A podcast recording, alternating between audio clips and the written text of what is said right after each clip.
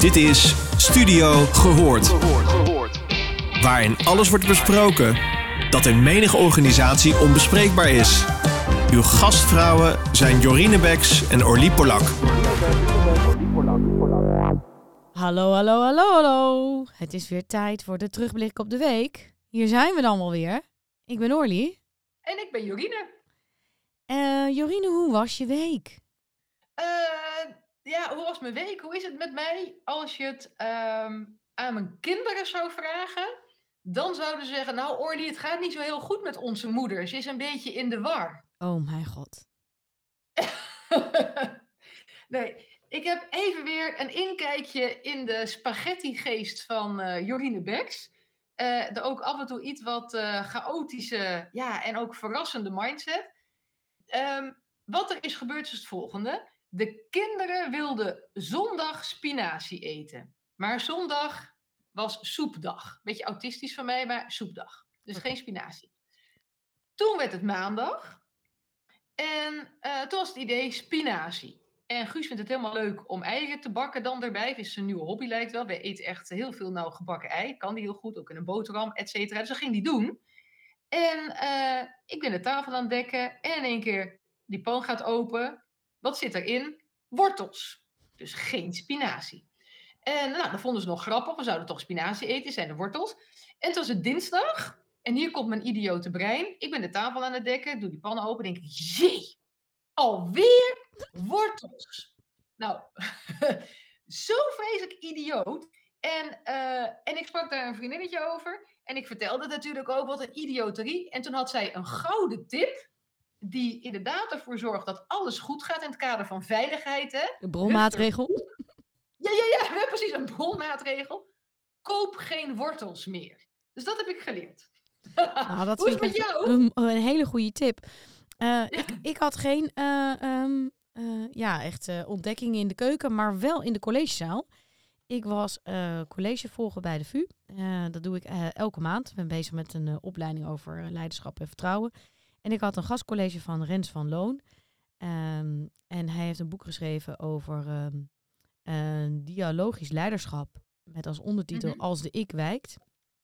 Eh, Mooi. ja, heel mooi. En het gaat eigenlijk over, eh, hij noemt het ik, eh, wij kennen het uit de antropologie als rollen, is eh, dat je je heel erg bewust bent van allerlei soorten rollen en functies die je inneemt. En het risico bij eh, leiders is, is dat zij zich te veel identificeren met die ene rol van leider zijn. En als voorbeeld krijg je dan, eh, ik ben een CEO en eh, ik sta in de, in de rij bij de, de KLM om in te checken. En dan word ik een beetje ongeduldig en begint in één keer te roepen, ja maar ik ben de CEO, ik wil voorrang. Wat natuurlijk een beetje, Ja. een beetje gek is. Ehm, want de context is daar helemaal niet naar. Al die mensen kijken naar die meneer die denken, eh, maar we zijn in Ja, deze dus? rij toch gelijk, Ja. toch? Wat heeft jouw functie nu met wel of niet vooraan de rij staan te maken? Ja.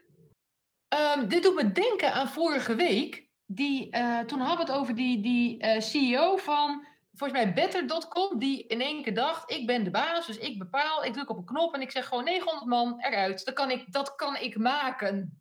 Ja. Beetje zoiets. Klopt dat? Een beetje dezelfde, Ja. dezelfde grachtidee? En, en eh, veel mensen kennen de, de psychiatrische varianten van, hè, dat je eh, heel erg narcistisch bent. En eh, dat je Ja. eigenlijk je, je ik een veel te grote rol eh, toebedeelt. En het lastige daarvan is bij leiders, is ehm, ja, dat belemmert hun eigenlijk ook in, ehm, in goed leiderschap, in verbindend leiderschap. En, hij, en we moesten natuurlijk een oefening doen. Het was eigenlijk meer een soort coaching dan een college. Eigenlijk bijna van, ja, maar wat voor soort ikken heb je allemaal? En ik dacht bij mezelf, ik heb ook verschillende ik. Ik ben natuurlijk werkgever en dan moet je verbindend zijn en je moet faciliteren. En mensen moeten zich prettig bij je voelen. Maar ik ben hier natuurlijk ook niet voor niks gekomen. Ik ben hier gekomen dat mijn ik is ook een vechter. Ja. En als het even spannend wordt en, en, en mensen gaan zeg maar jou onder druk zetten, we- welke ik laat je dan zien? Hè? Laat je de ik zien van de verbinder of laat je de ik zien van de vechter? En hij gaf allerlei oefeningen, zodat je heel erg bewust wordt van je context. En heel erg bewust wordt van, van die ik. En ook oefeningen van hoe kun je nou die twee ikken, die een polariteit lijken, hoe kun Ja. je die nou met elkaar verenigen? Waardoor je dus van, van beide kwaliteiten, want het heeft je allebei natuurlijk heel ver gebracht, eh, optimaal gebruik kan maken. Ik vond het zo verschrikkelijk interessant dat ik dacht, ja, maar dit heeft alles te maken met psychologische veiligheid. Weet je, als Ja, hoe, je, ja. hoe jouw rationele copingstrategie is, dat Ja. bepaalt heel erg, geef ik ruimte voor de ander. Dus kan mijn ik even wijken voor de ander? Die eh, relationele copingstrategie is natuurlijk eigenlijk hartstikke belangrijk. Want ehm, zonder dat je daar bewust van bent, is het heel lastig om psychologische veiligheid te creëren. Want als de ik niet kan wijken voor de ander. Ja, dat, die, is, ontzettend belangrijk. Hè? De ik wijken voor de ander. Maar je triggert mij ook wel met die eh, relationele copingstrategie. Die je dan zelf hebt ontwikkeld met die verschillende ikken. Of een basis-ik of een basisreflex. Hè? Je zei het over, ehm, jij bent een vechter. Nou, dat weet ik ook wel, een goede, een goede vechter. Hè? Is die altijd eh, constructief? Nou, dat dat is eigenlijk wat je net zei. Ik ben meer de verbinder en de harmonie. Dus als je gaat kijken naar eh, psychologische veiligheid, zou ik altijd ervoor kiezen dat mijn, mijn ik gaat snel wijken voor de ik van de ander. Maar is dat nou dan wel eh, in iedere situatie het beste om te doen? Nou, dat, dat ook weer niet. Als je ook weer gaat kijken naar psychologische veiligheid, dan gaat het ook over elkaar durven uitdagen. En als mijn ik dan weer gaat wijken voor de ik van de ander, dan kom ik ook niet tot uitdagen. Dus dat is een, een behoorlijke hersenbreker als ik daar zo over nadenk. En ook niet 1, 2, 3 eh, voor elkaar. Want wat is nou het best passende gedrag in die specifieke context om eruit te halen ehm, wat erin zit?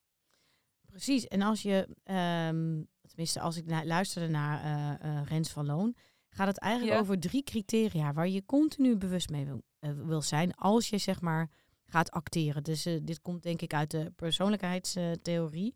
en het gaat over ben ik effectief? Eh, Ja. Ben ik authentiek? En ben ik ethisch?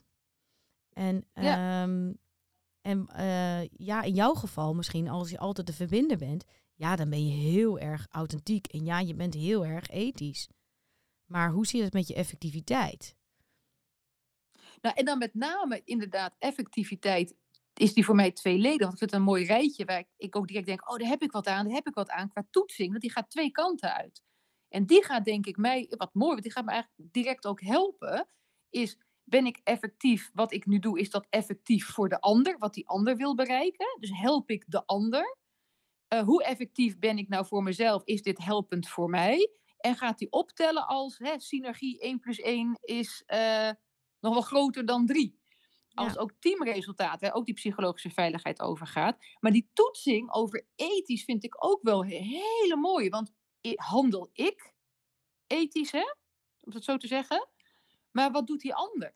Ja. Dus En- is van, hey, ga, ja, dan maak je me in één keer heel praktisch.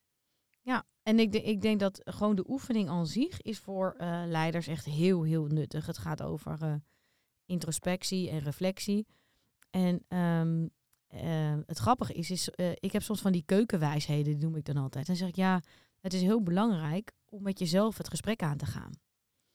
En eh, dat zeg ik heel vaak eh, tegen mensen, van joh, ga even een rondje hardlopen of ga even een rondje op het paard. En ga Maar maar ik zeg, het komt iets bekend voor. en, en dan ga eens met jezelf het gesprek aan. En met jezelf het gesprek aangaan betekent niet altijd dat je ehm, jezelf moet kastijden en, en, en heel heftig op jezelf moet reflecteren. Maar eigenlijk bedoel ik daarmee, eens ga eens na van eh, welke doelen wil je bereiken? Wat vind je nou echt? Waar wil je nou naartoe? En hoe zou je het nou het liefste willen aanpakken? In plaats van dat heel veel mensen die gaan, als ze met zichzelf praten, is het vooral dat ze heel kritisch zijn op zichzelf.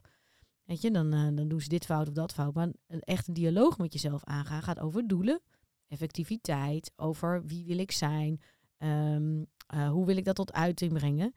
En ehm, het grappige was, in het college kwam dat helemaal terug, dat dat zo belangrijk is dat je dat doet. Dat je met jezelf al die ikken, al die ikken gaat verenigen en daar is tegen dat lat legt van joh, maar wat is nou mijn authentieke ik? En wat zijn nou Ja. mijn waarden en normen?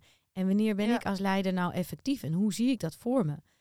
En wat hij ook gaf als tips, en dat, en, en dat herken ik enorm, is dat heel veel mensen als de spanning heel hoog wordt, vervallen ze heel erg in die copingstrategie. En gaan ze bijvoorbeeld ook in één keer veel ongezonder leven. Hè? Gaan veel, uh, veel meer eten, veel meer drinken. En ze vergeten in één keer dat hardlopen hun grootste hobby was. En ehm, ik vond dat heel mooi. Want als ik zeg maar uh, onder spanning komt staan en het wordt heel druk, ga ik eigenlijk wel veel meer hardlopen. Want dan kan ik met mezelf het gesprek aangaan. En van oké, ja. we hebben dit op ons bordje liggen, dit komt erop af. Wat gaan we ermee doen? Hoe zien we het vormen? Hoe gaan we de Lego zetten? En ehm, ik was wel benieuwd hoe jij dat doet. Als nou ja, de, de, dag wordt steeds drukker en iedereen wil wat. En je hebt allerlei dilemma's die op je afkomen. En al die, nou die coping-ikken. De ene ik zegt meteen, oké, we doen wat de ander zegt. De ander zegt, nou, misschien moeten we even wachten. Maar hoe, hoe verenig jij dat nou? Nou, wat, ik, wat, wat jij net beschrijft, dat klinkt voor mij ook als uh, zelfliefde of self-care. Als liefde een, uh, misschien wat te groot woord is. Um, dat je goed voor jezelf zorgt daarin. Dus jij pakt dan ook, je neemt afstand en je gaat reflecteren vanuit de ik. En mijn valkuil is dat ik ga reflecteren en kijken vanuit de ander. Dus terwijl je dit aan het vertellen was, was ik al direct aan het denken: oh, ik kan wel eens gaan vertellen. Wat, wat mijn reflectie is, nog meer. Dus alles wat, waar ik blij van word, valt van het bordje. Dus ik ben uh, helemaal, zoals je weet, fan van paarden. En mocht het luisteraars niet weten, ik heb, uh, ik heb ook vier paarden. Dus dan kan ik op zich heel wat rondjes rijden. Maar wat als eerste eraf valt, is paardrijden. Terwijl als ik dat wel in mijn weken heb, dan ben ik veel meer in balans. Ben ik ook een veel leukere moeder. Maak ik gewoon spinazie in plaats, in plaats van elke keer die wortels. Um, en toch, elke keer weer dat ik dat, dan overkomt mij dat nog. Waarbij ik nu wel denk, dat was 2021, 2022 komt eraan. Ja. Um, en maar wat is ook, dat is dus ook nog weer het interessante van zo'n copingstrategie. Die ontstaat natuurlijk niet gisteren. Dat is een patroon wat als niet te geloven diepe geitenpaadjes, om het zo te zeggen, bij mij als groeven in mijn hersenen zitten qua actie-reactiemodus. Uh, dus daar dan dat, wat jij zei, dat gesprek met jezelf aangaan, daar hebben we het natuurlijk ook al uh, eerder over gehad.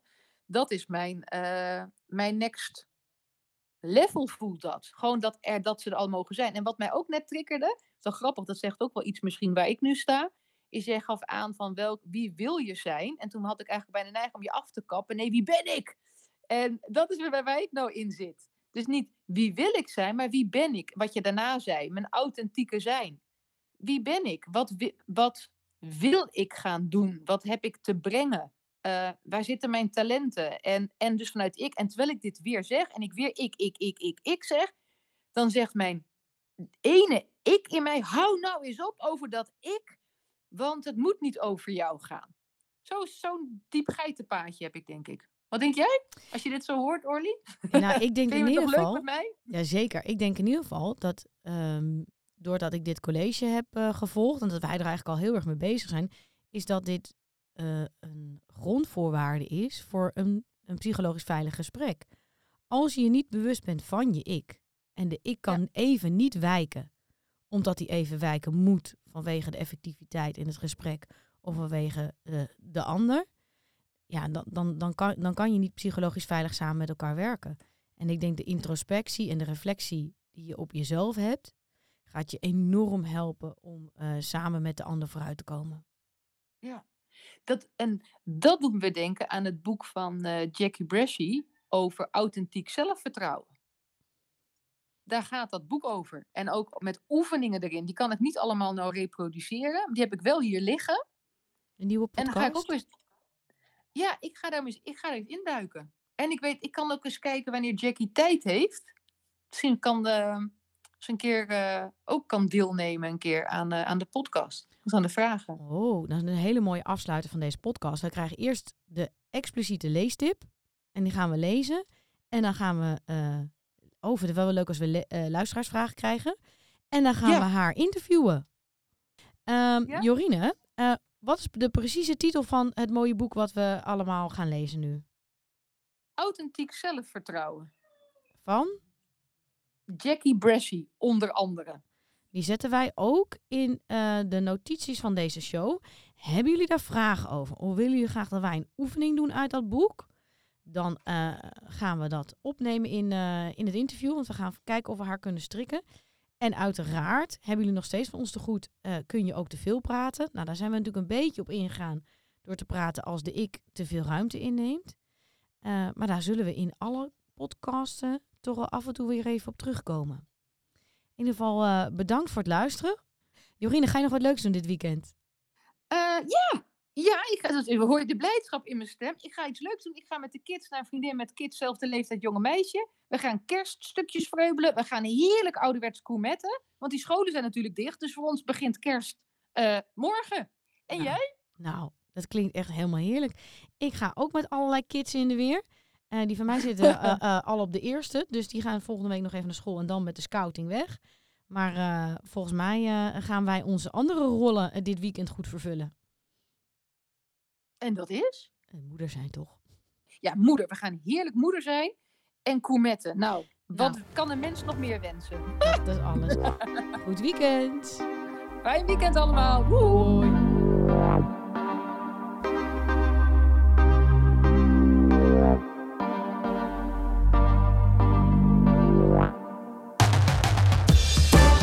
Je luisterde naar Studio Gehoord. Vond je dit een leuke podcast? Laat dan een review achter bij jouw favoriete podcastplatform.